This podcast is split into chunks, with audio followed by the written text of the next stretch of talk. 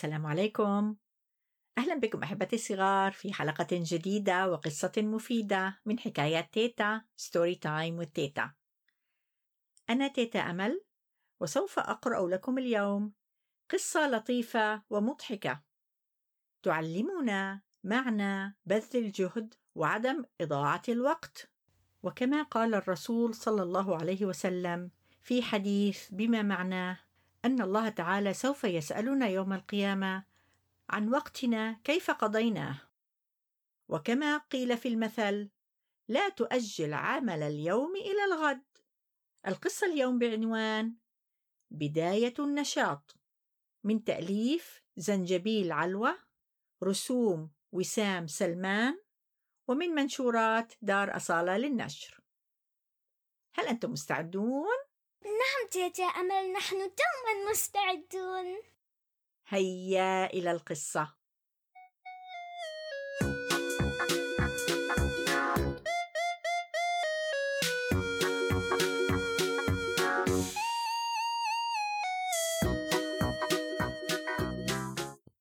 رن الهاتف في منزل خليل.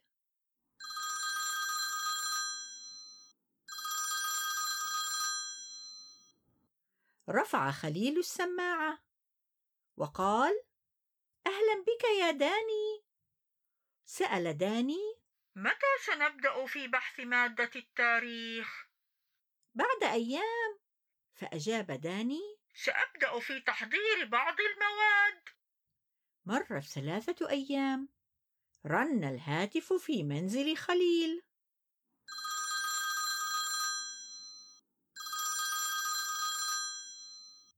أهلا بك يا داني. فسأل داني. متى سنبدأ في البحث معا؟ فأجابه خليل. لم أجد يوما مناسبا للبدء في البحث. ما رأيك بيوم الاثنين بعد المدرسة؟ لا يا صديقي. يوم الاثنين بداية التعب بعد عطلة مريحة. فليكن الثلاثاء. لا يا صديقي.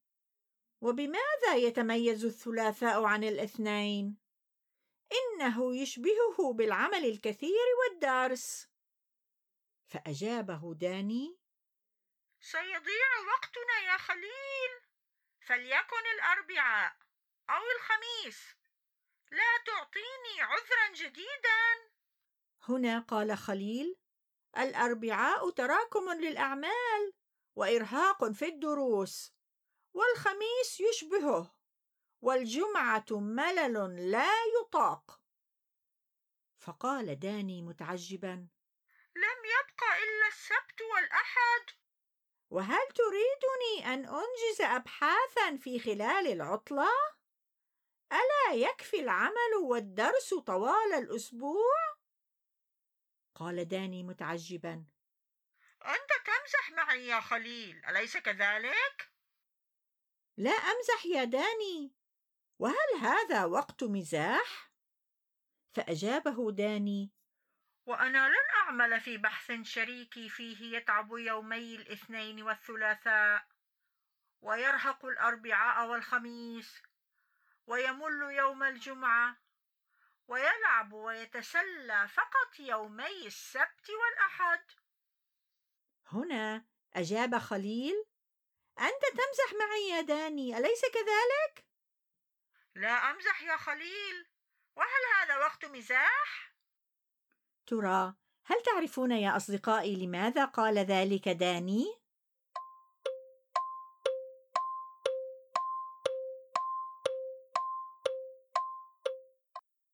نعم أحسنتم. إن خليل فقط يقدم اعذارا حتى لا يقوم بواجبه. في عمل البحث مع صديقه. وبهذه الطريقة فهو لا يقدر قيمة الوقت التي هي شيء مهم جدا في حياتنا. علم أستاذ التاريخ بما جرى وفي نهاية حصة تقديم الأبحاث التي لم يشارك فيها خليل بتقديم البحث مع داني حصل خليل على تكليف جديد من أستاذه. عن أهمية الوقت عند الشعوب. على خليل أن يتحدث في البحث عن أهمية الوقت في بناء الحضارات وتقدمها ونجاحها. وفي أسفل الورقة كتب الأستاذ له جملة أرجو ألا تمل وتتعب. وأن يساعدك البحث في حب الأيام ومعرفة أهميتها في حياتنا. بدأ خليل بالتحضير للبحث وحده، وللمرة الأولى لاحظ أن الأعمال لا تتوقف مطلقا حتى في أيام العطل. فالمكتبة التي استعار منها بعض الكتب من أجل البحث تفتح أبوابها أمام القراء في خلال العطلة. حتى بائع العصير الذي استراح خليل عنده يعمل بلا ملل أو كلل. والطلاب في صفه الذين عرضوا عليه المساعدة في البحث ساعدوه يوم العطلة اتصل خليل بداني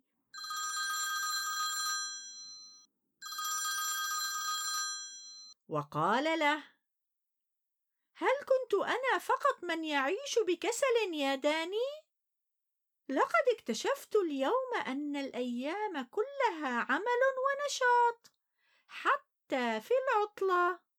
قال داني صحيح يا خليل ويوم الاثنين هو بداية النشاط للأسبوع كله.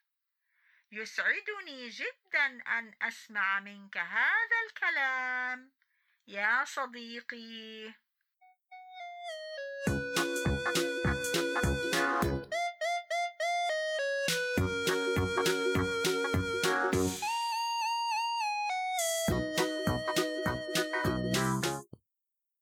وأنتم أحبتي الصغار أتمنى أن تكون قد أعجبتكم هذه القصة وأتمنى أن تكونوا قد استفدتم وتستفيدون من وقتكم ونحن جالسون في البيت في هذه الأيام. لا تنسوا أن تتابعوني على القناة الجديدة قناة اليوتيوب Story Time with تيتا التي أحكي لكم فيها حكايات جميلة وجديدة مختلفة عن الحكايات في البودكاست. فإذا أعجبتكم القصص اعملوا لي لايك واشتركوا في القناة. أرسلوا لي بملاحظاتكم على البريد الإلكتروني storytimewithteta at gmail.com وإلى أن نلتقي أحبتي الصغار في حلقة جديدة وقصة مفيدة. أنا تيتا أمل أقول لكم في رعاية الله. thank you